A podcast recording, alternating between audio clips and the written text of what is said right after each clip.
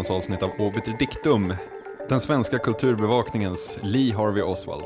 Det är jag, Billy Rimgard, och tillsammans med mig sitter Tobias Nordström. Hejsan! Hej. Hur har veckan varit? Eh, jo, det har varit bra. Eh, jag har fått ett nytt George Costanza irritations... Eh, vad ska vi säga? Moment eller ja, någonting jag stör mig på. Helt enkelt. Ja. Jag har nu nämligen märkt att de här jävla snowjoggersarna i mocka, sådana här Uggs, har, har bara fått fotfäste i Sverige. Ehm, jag tycker ja, det ser ju jävligt ut. Och vidrigt namn också, Ja, eh, Uggs. Ugg! Det, Alltså- det, vad, är det, för- vad är det för jävla namn?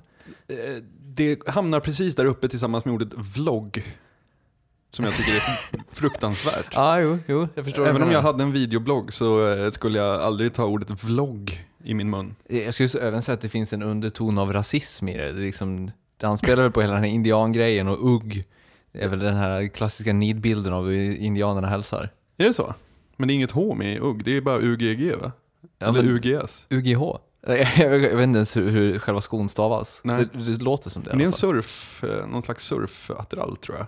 Man har dem på stranden. Okej. Ja, det- Ja. På stranden? Ja. Det, det, var fan, det är ju en vintersko känns det som. Ah, ja. De, det är förjävligt ser ut i alla fall. Mm. Och de syns numera på Stockholms gator tyvärr. Mm. Själv då?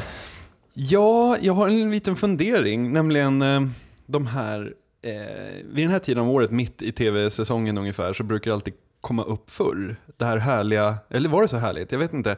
Eh, tillbakablicksavsnittet. Det kommer inte längre, har du tänkt på det? Ja, de har lagt av med dem. Men det, måste man inte tv-serierna ha några år på nacken för att det ska, eh, för att det ska vara värt att göra, spela in ett sånt avsnitt? Tiden på ön går nödvändigtvis inte i samma hastighet som tiden utanför ön. Eh, eh, internet är nere. Vi älskar ju zombies. Gulf of Tonkin. It was a full flag operation. Konspirationsteorier på dictum. Vi vet ju hur så artificiella intelligenser porträtteras på film. Mm. De pratar med den här rösten. Jo, men för att eh, tv-serierna ska kunna spela in sådana så lär de väl ha några säsonger på nacken och det känns som att eh, de flesta stora komediserier som går just nu, för det är väl främst komediserierna som har sådana Är det så? Har inte, tillbaka. Arkivex och liknande haft sin beskärda del? Nej, ett på sin höjd har väl Ja. Arkivex haft. Men, men det är väl, jag tänker på Scrubs körde väl typ sådana hur, många, hur, hur ofta som helst. Okej. Ehm, de är ganska vedervärdiga. Ja, ja, det är de. Men, Ja. men som institution i, Ja, i TV, tv-världen. Ja, jag vet inte, jag saknar dem inte Nej. riktigt. riktigt. Nej. Så har ju eh, Wikileaks varit och läckt. Har vi någonting att säga om det? Jag tyckte det var lite spännande faktiskt det här med ehm, amerikanernas eh, Zippernet som Mm. det var läckt ur. Alltså ett, ett, ett nät i nätet. Jag är ju helt för det här med att bygga egna nät. Det tror jag mycket på. Darknets. Ja, jo, det, det är ju självklart helt fantastiskt. Eh, det är väl, internet var från början det ARPANET som Mm. också var samma sak. Mm. Så att Zippernet kanske öppnas upp för omvärlden om säg 50 år eller någonting. Mm. Eller, kan, kan jag hoppas. Nej, Jag I övrigt så har jag väl inte så, alltså, ja.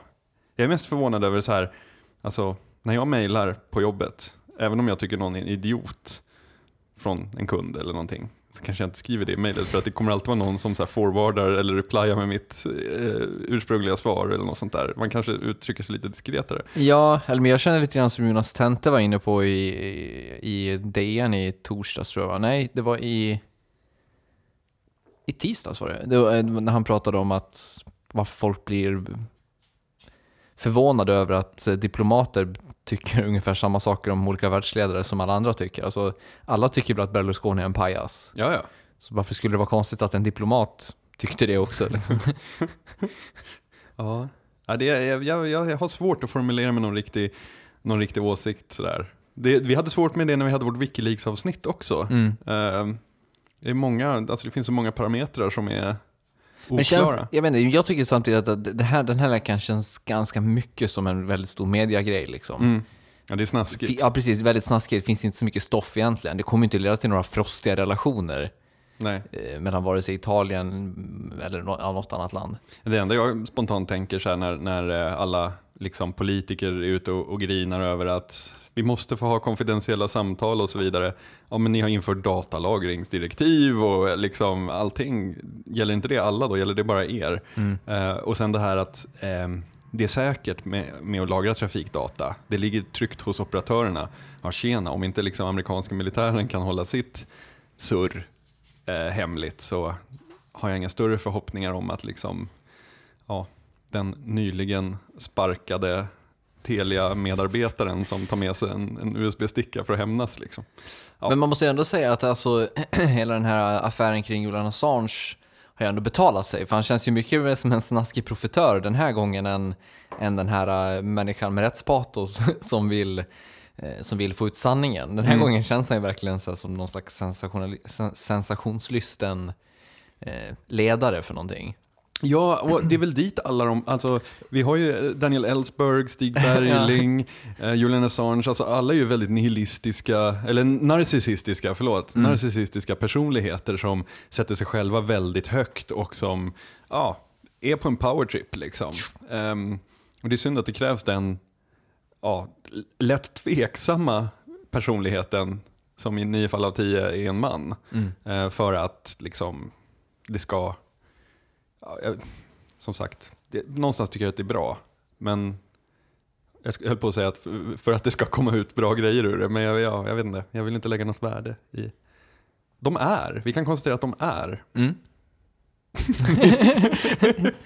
Ja, vad ska vi prata om Let's på leave- riktigt ja, idag? i, Idag så ska vi prata, eh, vi ska syna självmordsromantiken i populärkulturen. Eh, vi ska även prata mongolisk krigsföring med Neil Stevenson. Eh, och sist men inte minst så ska vi kolla lite grann på eh, hur det ser ut för musikartister idag och eh, vad de ägnar sig åt för aktiviteter, eller vad de bör ägna sig åt för aktiviteter utanför sin kärnverksamhet.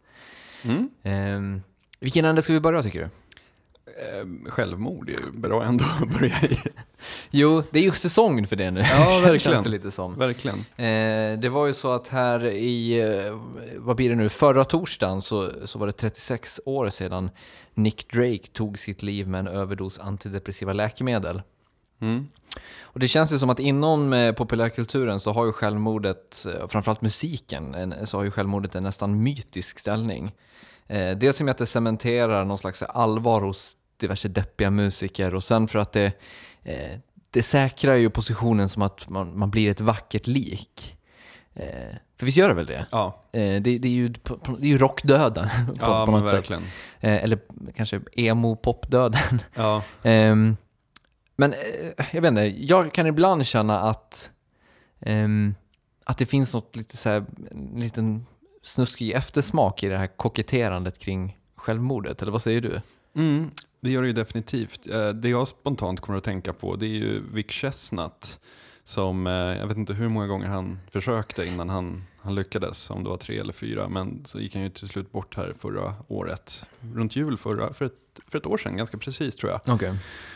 Och grejen är att den svärtan som han sjunger om i sin musik, ehm, ja, det, alltså det är ju hemskt att säga att den blir mer äkta på grund av liksom hans, hans svärta. Alltså det, det, det är ju inte, det är inte så jag menar. Men jag tar med mig någonting från hans musik på ett annat sätt än någon som poserar som, som svårmodig. Om du förstår vad jag menar. Mm, definitivt. Eh, Jag kan ta med mig en slags, eh, ja, alltså jag säger emot mig själv när jag säger att det handlar inte om att det är äkta, för att någonstans innerst inne så är det ju liksom, går jag ju på den myten på många sätt. Men jag tycker att, att han, för honom var det så jävla mycket på allvar att han valde liksom den sista utvägen på något vis. Ehm, och då kan jag känna att jag kan läsa mer i hans texter. Ja, men det känns även som att det är väl där någonstans som, som självmordet eh, bland eh, eller popfigurer, för det är framförallt musiker får vi ändå säga, eh, vissa författare också, men sällan man hör om en regissör eller en, Mm. eh, ja, vad som helst som har tagit livet, alltså en ekvilibrist.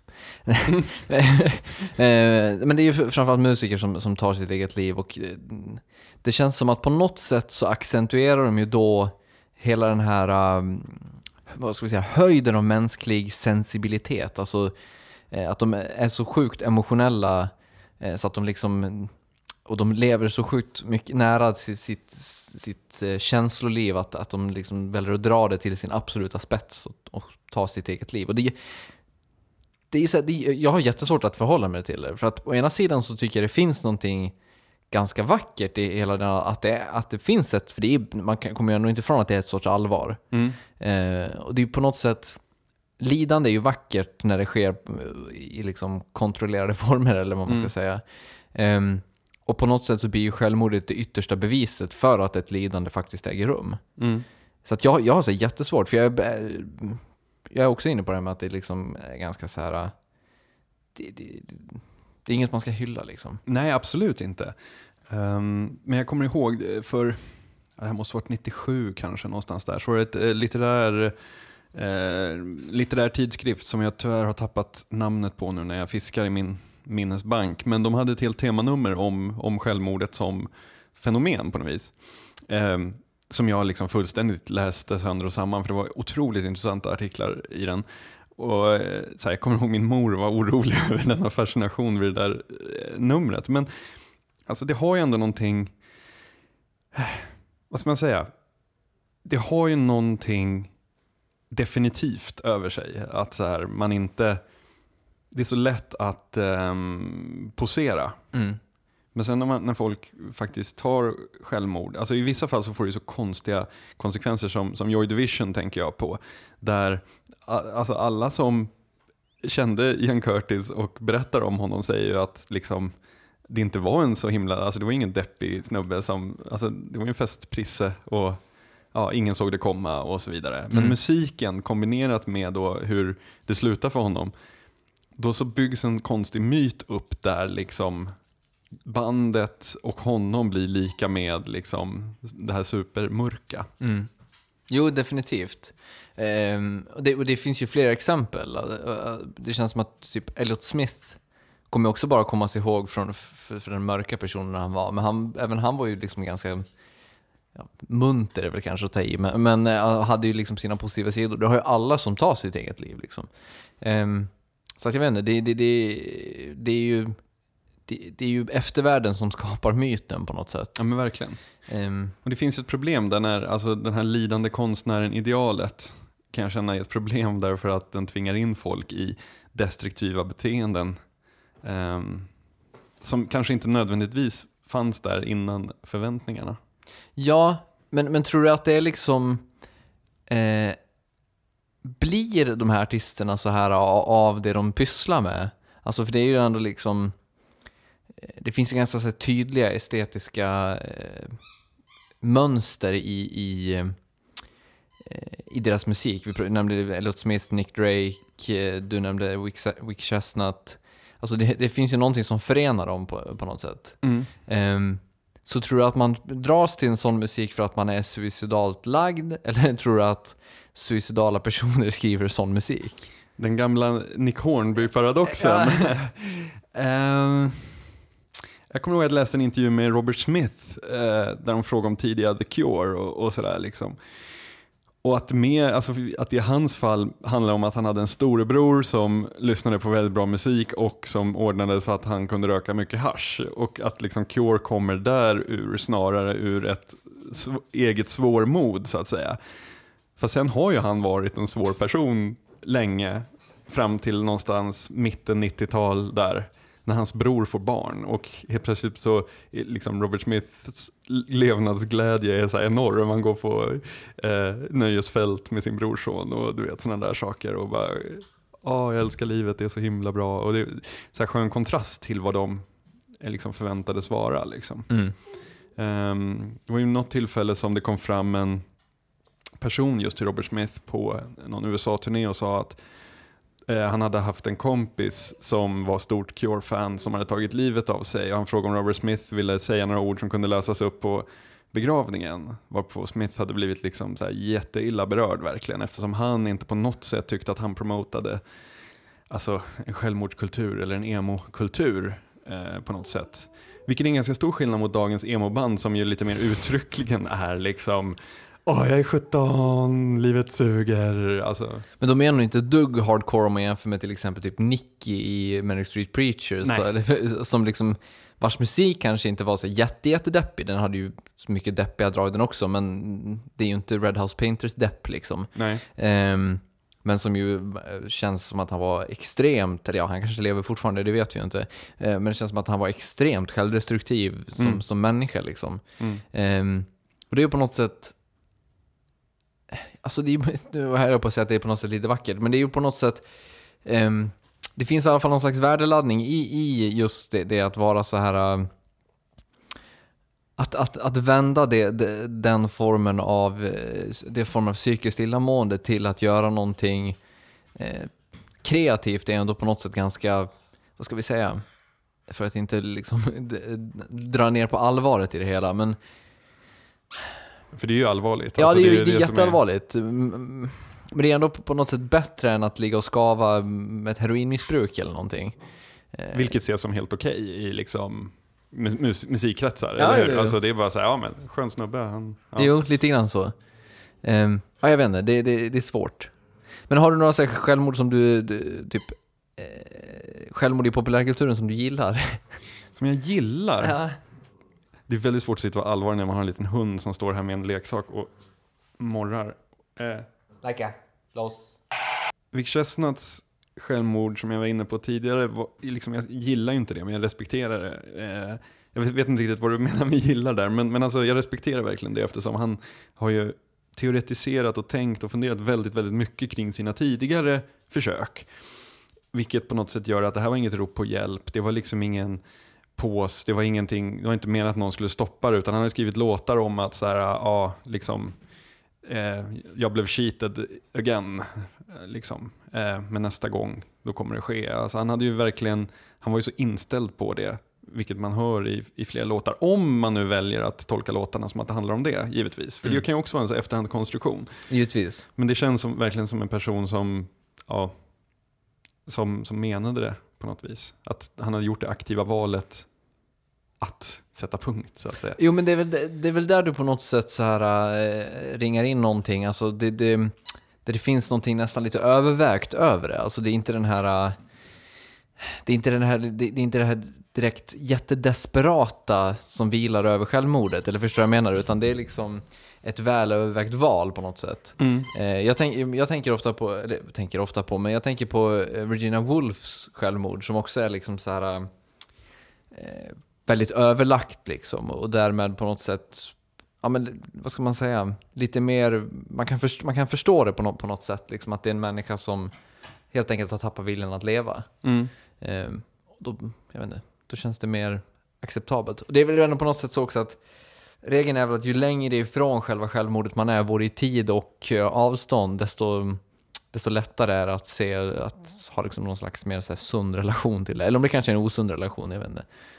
Jag minns någon poet, jag- mitt namnminne här är ju katastrof eh, just nu, men jag minns en poet som eh, hade varit, stått på, på liksom gränsen till att, att verkligen göra det. När han plötsligt inser att, att, liksom den, den, att det är en väldigt enkel väg ut. Eh, han skriver någon dikt som inleds med textraden att dö är inte svårt i detta liv. Alltså just det här att det är svårare att leva med, jag kommer inte exakt ihåg hur fortsättningen går, men, men det, är liksom, det, det är svårare, det är en större utmaning att ta hand om eh, skiten. Liksom. Jo, så är det ju. Det är, men det är ju på, det är också någon bild av självmordet att det är liksom att ta the easy way out. Fast det är ju, alltså det är ju jättesvårt för de som tar livet också att, liksom, att klara av att göra det. Ehm, de mår ju liksom inte bra. Nej, nej. Eh, så det, det är ju... Men samtidigt, det, det, men om vi går tillbaka liksom med, med lite mer avstånd till det och Ja. liksom tar hela så här populärkulturgrejen. Jag, jag nämnde det inledningsvis att det, det cementerar ju sa, samtidigt hela idén om det här vackra liket och det. Ja, absolut. Och det, Du skriver ju in det i historieböckerna liksom. Definitivt, och du blir liksom ingen, eh, jag menar om vi tar exemplet Joy Division så blir det liksom ingen överviktig Peter Hook som står och kör allsångsversioner av gamla klassiker på Readingfestivalen 2010 liksom, utan det blir, ja, alltså Ian Curtis kommer alltid vara den coola som Mm. inte har gjort eh, så här Sunkist-reklamer och, och så vidare. Och det är det är faktiskt hemskt att det är så, men på många sätt så, Men helt förståeligt egentligen också. ja, Därför att du, du, du, du, klarar, du lyckas ju liksom frysa den här mytbilden av dig själv som finns just då när du tar ditt liv. Eh, det hade varit en sak om liksom om typ Keith Richards skulle ta livet av sig idag så hade det bara varit känt sig jättetragiskt och trasigt liksom. Verkligen. Men eh, hade han tagit livet av sig liksom när, när, när Rolling Stones peakade, då Ja. hade han ju varit liksom en, för evigt en rockhjälte, eller Mm. förstår du vad jag menar? Det, det, det, Fast jag är faktiskt mycket mer imponerad av typ en sån som Nick Cave som så här, kommer ur liksom totalt destruktivt beteende, heroinmissbruk och bara så här squattar i Berlin liksom. Och sen på något sätt lyckas plocka sig upp ur det där och liksom växer upp till att bli en, någon så här gammal gotgentleman som skriver teaterpjäser och soundtracks och liksom för sig med en enorm värdighet. Eh, jag måste säga att jag är mer, alltså jag är mer eh, imponerad av det faktiskt än folk som bara, ja, än det motsatta. ja verkligen. Mm. För det känns lite lätt också, eller hur? Alltså just det här, man måste dö innan man fyllt 27, annars så... Ja, det är klart att det känns lätt, men det är ju inte lätt samtidigt. Alltså det, det jag vet inte, det är ju... För att det känns som att det är enklare att göra det än åldras med värdighet inom liksom just popmusiken.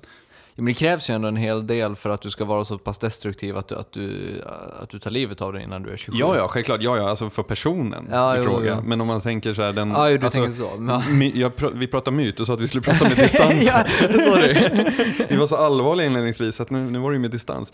Eh, alltså den här, den klassiska, liksom att, att svälja pipan när man är 27. Den Mm. är ju, den, den känns ju jävligt uttjatad. Alltså, eller? Jo, det, jo, lite grann så är det ju. Helt klart. Jag vet inte om jag skulle ha någon respekt för om liksom Justice gjorde det. Nej. Men om vi avslutar på typ ett riktigt så här makabert eh, sätt då. Men vem skulle göra bäst i att ta livet av sig just nu? Vilken artist? Lady Gaga. Ja, det, det är ing- absolut inget bra, inget bra, eller ingen, vad säger jag, det är inte jättebra alternativ, men jag ska ändå säga liksom, till Britney Spears. Hon har bara att vinna på att ta livet av sig i dagsläget. Ja, Eller förstår du vad jag menar? Ja. Det är liksom så här, om hon tog livet av sig nu, då skulle hon för alltid vara ett jävla helgon. ja. Nu, ju- just, Fast har hon inte bränt ganska mycket? jo men det är det som är poängen. Hon kan vända allt det i en handvändning nu. Ja. Genom att eh, hänga sig i köket. Ja men typ hela vår generation som liksom var, hade, hade liksom hennes första plågor från de första två, tre albumen som någon slags vardagssoundtrack i butiker och på radio och så vidare. Eh, för oss, eller för ja, dem, eller för de som uppskattar henne så, så skulle hon ju verkligen bli oförglömlig då jämfört med Precis. Ja, Annars, men, annars så blir, sent 90-tal, någon annat exempel? Jag kommer inte ihåg. men annars så har hon liksom så här, eh, annars så har hon ju bara så här tio år av vårdnadstvister och grejer framför sig liksom. Ja. Och uthängd i skvallermedia om att hon eh, gifte sig med någon dansare eller, eller någonting sånt. Eller förstår jag? Det, Mm. det finns bara dåligt i Britneys framtid. Det har påbörjats ett ganska intressant litterärt projekt som heter The Mongoliad som är en av mina favoritförfattare Neil Stevenson tillsammans med Greg Bear och ett gäng av hans kompisar. De har påbörjat ett jätteprojekt som handlar om när den mongolska horden hotade Europa på 1200-talet. Det är så här eh, överblivet material från hans eh, eh research till The Baroque Cycle. Eh, Bara för mig som är otroligt historiskt inkompetent här. 1200-talet, är det Genghis khan? Ja, Ja, precis. Okej. Mm. Ehm, och det här projektet då, det innehåller svärdfighter, det är Chivalry and Sorcery, det är... eh, eh, Sorcery? ja, jag tror att det är lite my- mys- mysticism Ah, och okej. lite sånt där. Ehm, det är återupptäckandet av the western martial arts, alltså svärdskonsten som fanns här på eh, den tiden. Och grejen är, det som är bisarrt med det här projektet, det är det att det är en enda stor eh, community på, på eh, webben. Man betalar 10 dollar för, per år och då får man tillgång till inte bara de färdiga kapitlen men även drafts, deras dis- diskussioner kring hur olika så här, eh, slag och strider utspelade sig och liknande.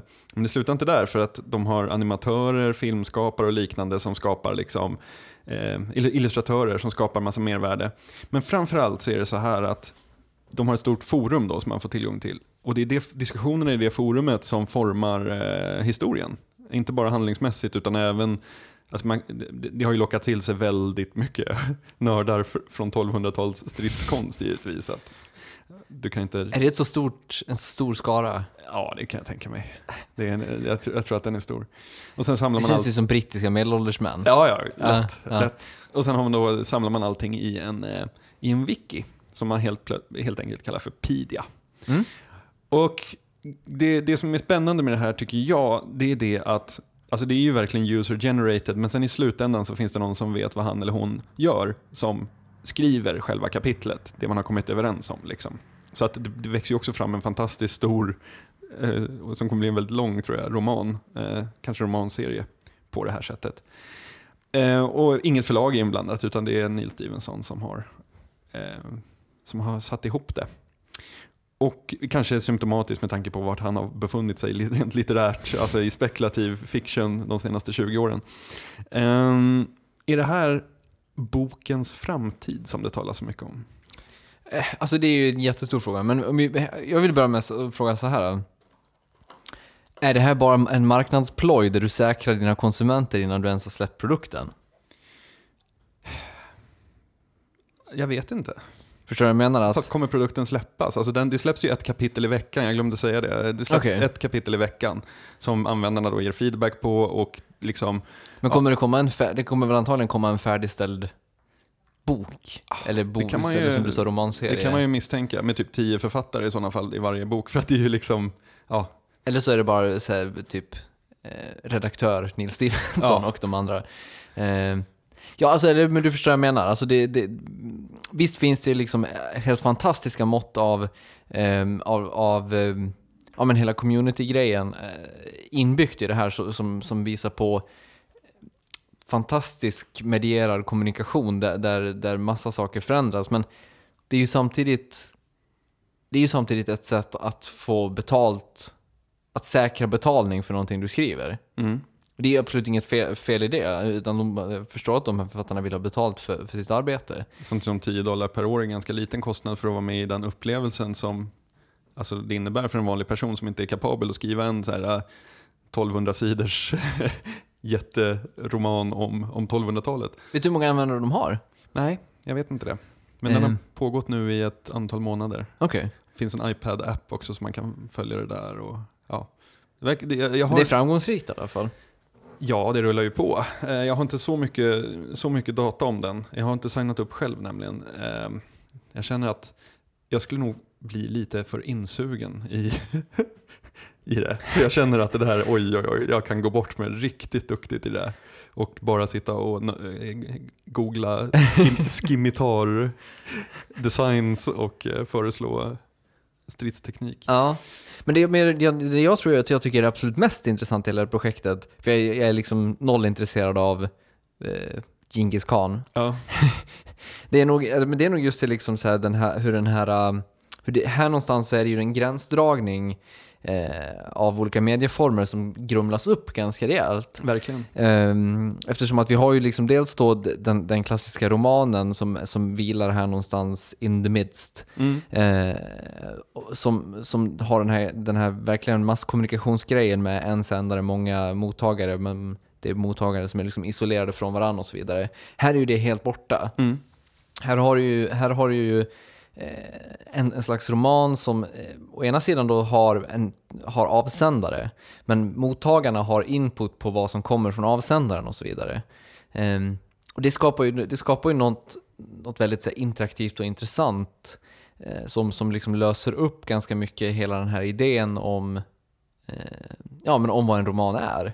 Ja, men för, för tidigare så har ju liksom det känts som att så här, deltagarkultur i litteraturen Mm. innebär att man kan betala för att köpa sig själv, alltså att ens namn ska vara på en karaktär i en bok eller du vet någonting sånt där. Medan här så är det ju faktiskt så att slutresultatet är ju, ja visst, det, det är en viss person som skriver själva kapitlet i slutändan. Men det kapitlet är ju summan av det jobb som alla har lagt ner eh, på sajten så att säga. Mm. Jo, det är ju det är, det är fantastiskt på, på många sätt. Men samtidigt så här... Ehm, jag vet inte, det, det, det är ju samtidigt... Eh, vi, vi båda tycker väldigt mycket om Neil Stevenson som, som författare. Eh, finns det risk att vi tappar någonting av vad Neil Stevenson är här? Det är ju fler författare än Neil Stevenson som är involverade, men eh, finns, det att, finns det någon risk att så här, ehm, att det är ändå, det är ändå på något sätt de här författarna, eh, det är deras visioner vi, vi, vi tycker om på något vis? Verkligen, det håller jag med om. För, för att det, det, de här, den här publiken är ju inte bara fact-checkers. De, de har ju input på vad som händer också, var du inne på. Mm. Så att, jag vet inte, tror du att någonting går förlorat? Mm, inte om man är med i, i smeten tror jag. Alltså om man är, Om du själv är med? Ja, Ja. då tror jag inte det. Om man kan följa diskussionerna och liksom resonemangen och förslagen och sånt. Eh, och sen läsa slutresultatet. Då tror jag att då tror jag inte så mycket går förlorat. Men däremot kanske inte är en bok eh, som jag kommer köpa eh, om den skulle komma i tryckt form. Utan det gäller nog att hoppa på ett tåg här och vara med. Eh, tror jag rent spontant. Men det jag tänker i jämförelsen med det är ju liksom eh, Eh, andra sidan staketet på något vis. Där sitter förlagen och tar 250 spänn för en e-bok eh, och är liksom livrädda att så här, förändra folks konsumtionsvanor för att om Alltså e-boken den har noll kronor i produktion förutom författarens tid. Ehm, den har noll kronor i lagerkostnad och noll kronor i distribution. Vilket gör att helt plötsligt så måste eh, förlagen förlagen jag menar, tryckkostnader är en extremt stort hinder för att göra böcker. Ofta när jag har- varit liksom inblandad i embryon till bokprojekt så har det ofta fallit på att just det, vi behövde 130 000 plus moms för att trycka den. Ja, Mm. men då, då lägger vi ner det. Liksom. Och distributionen är ju ganska jobbig att sitta och skicka paket till liksom, olika försäljare.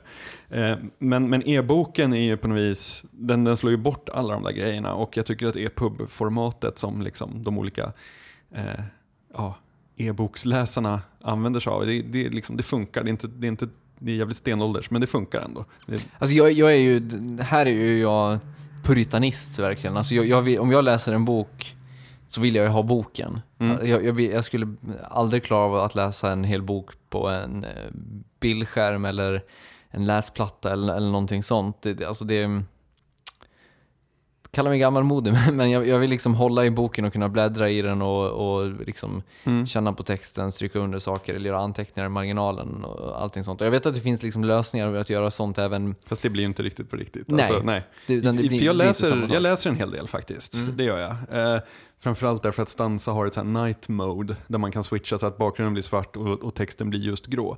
Vilket gör att det är ypperligt att läsa liksom, i, i sängen med nedsläckta lampor och så vidare. Eh, så jag läser faktiskt en del på, just på, för iP- iPad, eh, på den går det. iPhone not so much. Har inte testat Kindle. Men, ja. Men däremot just som, som referenslitteratur eller vad man ska säga, eller sånt som man, liksom, som, som man vill göra mer än att bara läsa igenom för nöjes skull, det, det håller jag helt med om. Fast jag antecknar i allt jag läser i princip. Ja, Eh, jag skriver gärna i ja, vanliga romaner eller, eller vad som helst. Bara, Mm. eh, jag, inte, jag, tycker om att, jag tycker om att på något sätt kunna sätta ett ord Mm. eller, eller någonting i, i marginalen. Men, eh, men på något sätt, här blir, jag, vet inte, jag får också känslan av att här blir ehm, här blir boken film, alltså den boken jag pratar om, den här eh, klassiska hardcover-grejen som du håller i handen och, och kan känna på sidorna. Det blir samma sak som att gå på bio eh, Mm. och se, och se liksom film på duk. Medan e-böckerna blir på något sätt DVD-versionen, eller förstår du vad jag menar? R5-RIP. Ja, men, förstår jag vad jag menar då? Ja. Alltså det, det, eh, det, för, för mig i alla fall så, så det, blir, det blir ett, det ett substitut och visst, det är samma sak, men någonting går förlorat. Förstår du vad jag menar? Mm. Precis som att DVD-filmen är samma film som den som är på bio, så är det samma text i, i e-boken som det är i den vanliga boken, men det är inte samma sak. Fast är inte det lite som, alltså, jag såg Red här i förra helgen. Varför Och- det? Ja, det kunde man fråga sig när man hade sett den. Ja. Men jag såg den, eh, nedladdad eh, DVD-screener-version. Eh, skulle aldrig någonsin se på bio. Eh, jag väljer ju mina filmer jag går och ser på bio och sen konsumerar man ju jävligt mycket utanför men Mm. som i nio fall av tio bara är skräp. Liksom, så att, ja, skitsamma. Jo, Och så, så, så kan jag tänka mig att eh, verkligen se mitt framtida bok, eh, min framtida bokkonsumtion. Att liksom man drar ner och plöjer igenom de här som man inte bryr sig så mycket om som e-böcker medan man eh, köper ehm, ehm, den, riktiga, den riktiga boken, eller den fysiska boken, när man verkligen bryr sig mm. kanske. Ja, definitivt. Men, men, så, hur, men hur, tyck, hur känner du inför hela den här, det här eh, uppöppnandet av hela den kreativa processen hos de här författarna och det där, där man helt plötsligt blandar in, eh, blandar in blandar in allmänheten, eller man ska säga, det är inte riktigt allmänheten, men en massa andra människor, att vara, vara en del av, av hela, den, hela det flödet som är att skriva en bok. Liksom. Mm. Eh, riskerar man att, att få det här liksom, eh, ju fler kockar desto sämre soppa? Eller, eller ska man istället liksom fokusera på att det här är, att det är processen som är det viktiga här? Själva boken när den är klar är egentligen ganska irrelevant. Ja, det tror jag. Men sen så tror jag också så här att det de gör, alltså det folk som är med på communityn gör, det är ju att man crowdsourcar liksom det år eller två av researcharbete som skulle krävas för att skriva en roman om den mongolska här hordens liksom, eh, invasion av Eu- Europa. För alltså en författare kan ju inte tillgodogöra sig alla de kunskaper som, eller inte alla, men, men de nödvändiga kunskaperna som, som finns bland liksom några så här swordsmen-nördar. Ehm, det går ju säkert, men det är ganska behändigt när de finns på, på liksom nära håll att dra nytta av det istället. Så att jag ser väl mer så att det liksom är någon slags research, alltså man har ju byggt en kunskapsbank där de som är intresserade av ämnet kan vara med och, och forma slutresultatet. Ja, Neil Stevenson kör en prenumerationstjänst som kanske eller kanske inte kan vara någon slags framtid. Och det är många som håller på att pyssla med kultur som, som funderar på varför de inte bara kan ägna sig åt sin kärnverksamhet och varför de måste syssla med massa fluff vid sidan av det kreativa. Eh, det var en frågeställning i en artikel i Svenska Dagbladet häromveckan. Det var hur ser dagens författare på att de inte bara förväntas skriva men också synas och höras? Då intervjuar man ett antal unga eh, författare om det här liksom pressen på att vara med i lekprogram eller att, eh, att, att köra Q&As med publik och, och sådana saker. Och det här dök upp igen i senaste numret av Sonic där eh, de har ett så här eh, slutet av årets snack. Eh, och då så är det eh, sångaren i Johnossi, som jag inte kommer ihåg vad han heter nu, John någonting, tror jag. Eh, han han ehm, var kritisk till The Ark, eh, deras lansering av skivan, tillsammans med tidningen, för Ola Salo satt också med i den här panelen. Ehm, och en annan panelmedlem var Lisa Milberg från The Concrete som berättade att hon hade designat en väska som hon sålde på, på konserter. Och han protester- eh, John Ossie-mannen protesterar mot det här och tycker att varför kan, kan man inte bara få sitta och skriva musik? Varför måste man hålla på med att tänka utanför boxen eh, på massa sådana där sätt hela tiden? Um, och jag vet inte, jag fick en känsla av att, eller min känsla är att det är lite bortskämt att tro att man bara kan ägna sig åt kärnverksamheten. Att man bara, du menar att artisterna måste liksom på något sätt räkna med att eh, nu är det framtiden och då kan du räkna med att du får göra lite, eh, lite runt om för att tjäna pengar?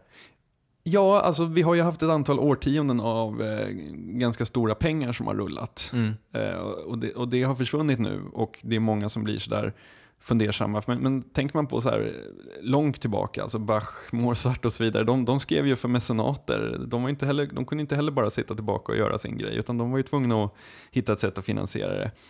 Um, och det, jag menar, det är många som gör jävligt bra grejer, uh, tycker jag. Som, som liksom ligger helt i linje med musiken, eller böckerna, eller vad det är nu de gör. Men som inte nödvändigtvis är en del av deras kreativa grej. Men det är där jag tror du kommer till pudeln, känna direkt. När vi pratade om The Ark eh, tidningen så var jag väldigt skeptisk. eh, Mycket för att jag liksom inte tyckte att, ehm, att de skulle hålla på och kladda med rationellt arbete och liksom göra gör en. De hade, jag menar att det fanns liksom ingenting med, en, fanns ingen samhörighet mellan The Ark och en tidning. Ehm, och jag menar, jag menar, jag har inte sett Lisa Milbergs väska, eh, men rent instinktivt så känns det liksom bara som en förlängning av att man säljer t-shirts eller album på en Ja. konsert.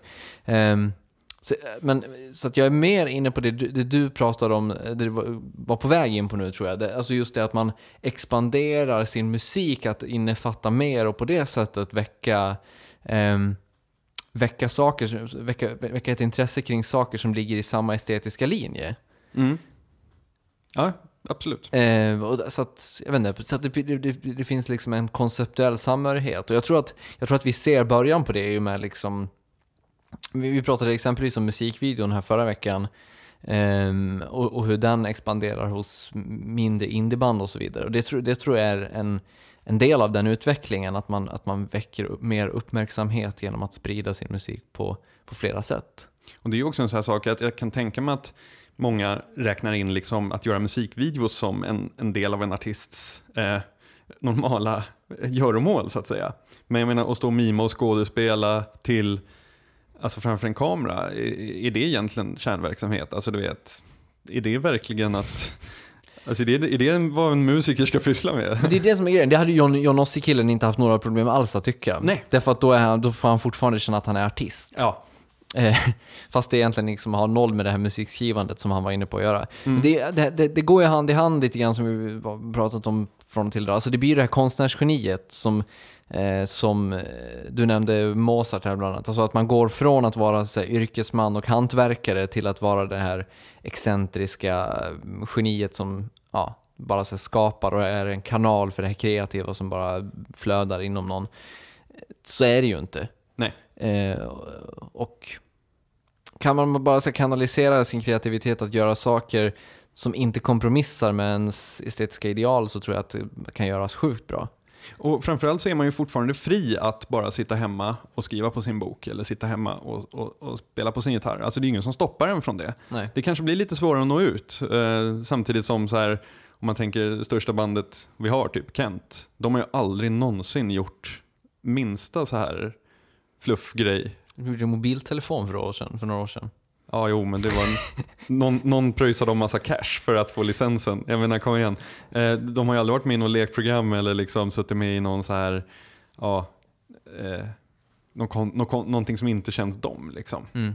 Ehm, och det är man, ju- man är ju fri, fri att att så här skriva på sin bok och ge ut den och sen inte göra några intervjuer eller inte göra några Q&As eller något sånt där. Det, det är ju liksom, vem stoppar en från att göra det? Det är ju ingen som har krav att man ska, måste göra det. Däremot så kanske man inte når ut så mycket. Det är precis som att jag, jag tycker det är värdelöst att sitta och hålla på och mecka med Wordpress. Liksom. Jag tycker det är ganska tråkigt. Men när vi så här, om vi startar en, den här podcasten eller om jag håller på med något annat projekt eller någonting och behöver ha en bra funktionell liksom, hemsida, ja men då är det bara att sätta sig där och grotta med Wordpress därför att, ja, eller som att det är så här bökigt att, att hålla på med iTunes eh, eller uppdatera en feed för den här podcasten. Vi kan skita i det, vi kan bara lägga ut den som en mp3 och någon laddar ner någonstans. Mm. Ehm, Man får vara lite konsumentvänlig om man vill att folk ska lyssna. ja. precis. Jo, men jag tror att, jag tror att vad heter det, men det finns ju ändå exempel på folk som har gjort det här bra. Alltså jag tänker till exempel på Klerup som nyligen, eh, den här tonsättningen till eh, Anjara på, på Stockholms stadsteater, som, det ligger ju liksom på något sätt helt i linje eh, med, med den han vill vara på något sätt. Eh, och det tummar ju inte ett dugg på, på hans artistiska ambitioner och det, det, det, är så här, det finns något intressant i med att han som popmusiker samverkar med teatern på det sättet och samtidigt är det någonting som han får betalt för och som drar in cash till både, eh, till både den här pjäsen och till, ja förstår jag menar, till Stockholms stadsteater i stort. Mm. Eh, det är ju på något sätt ett perfekt exempel. Mm. Eh, Så att det, det, det jag liksom menar är att du behöver inte göra musik till McDonalds reklamfilmer för att dra in pengar liksom. Nej. Nu är ju Clearup givetvis ett stort namn, men, men jag tror att sådana här eh, projekt finns även i mindre skala och det, på något sätt måste ju måste svenska artister bli lite bättre på det. Ja, men en som verkligen har lyckats här balansera en jävligt bra grej han gör utanför sin kärnverksamhet är ju Kevin Smith som kör sina Q&As som är väldigt ja, lyssningsvärda. Och inkomstbringande. Ja, definitivt. Mm. Men eh, de, det är det tre det finns. Ja, det finns tre utgivna på DVD, men han har gjort otaliga Q&As eh, Ja. över hela USA och andra delar av världen. Liksom. Roligare än hans filmer, tycker jag. Ja, i, i, i vissa fall. Och med den lilla signaturen så är vi framme vid slutpunkten på dagens podcast, nämligen postscriptum. Eh, och jag tänkte, tänkte tipsa om en bildserie som publicerades av Life Magazine som heter Terrible Beauty A-bomb Tests. Eh, och det är då en, ja, en serie bilder som, som visar olika kärnvapentest helt enkelt. Eh, finns bland annat en fantastisk bild på Oppenheimer och hans medarbetare på Manhattan-projektet när de står vid en eh, krater och tittar på en bombdel och ser ganska frågande ut. Ja, eh, jag ska tipsa om, vi pratade ju zombies här för några veckor sedan. Jag ska tipsa om en, en föreläsningsserie som heter The Living Dead, Zombies in Literature, som hölls på University of Alabama. Och den är inspelad i sin helhet, den lilla kursen. Eh, väldigt rolig lyssning. Mm. Och givande givetvis, det är ju zombies. Man måste utöka sitt zombiekunskap för att överleva i denna jord. Precis. Och eh, vi länkar till det här och allt annat på vår blogg oddpod.se och mejla oss. På kontakt.oddbod.se eller twittra oss på oddbodcast. Mm. Det var allt för den här veckan. Det var det. Tack så mycket. Vi ses nästa vecka. Ha det bra. Hej.